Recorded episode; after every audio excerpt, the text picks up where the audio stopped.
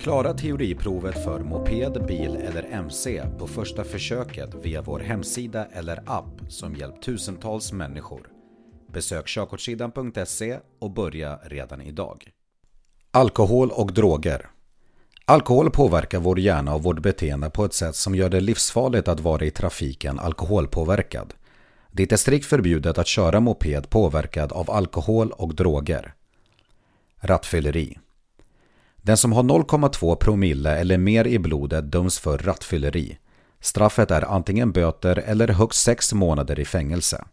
Även körkortet återkallas i normala fall under ett år. Har personen en diagnos för missbruk eller beroende återkallas körkortet i två år.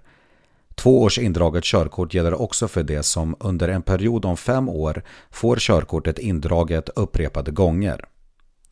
En person kan dömas för rattfylleri fast att promillehalten inte når upp till 0,2 promille.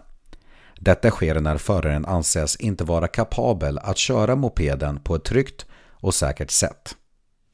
Grovt rattfylleri. Den som har en promille eller mer i blodet döms för grovt rattfylleri.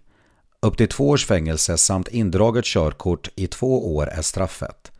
Döms man för grovt rattfylleri och vållande till annans död är straffet upp till sex års fängelse.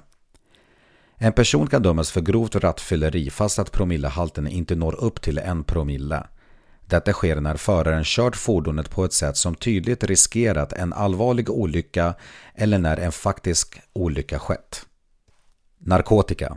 Det råder totalt förbud mot narkotika i trafiken. Det finns ingen gräns för hur mycket narkotika du får ha i blodet likt alkohol.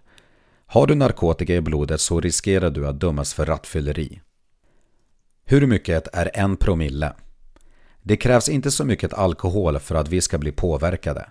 Promille är beteckningen för en tusendel och en promille i blodet kan jämföras med en droppe alkohol per tusen droppar blod.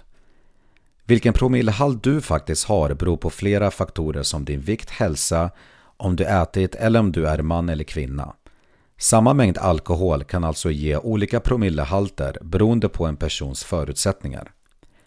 Promillehalten mäts vanligtvis genom ett blåstest av polisen där din utandningsluft visar din promillehalt.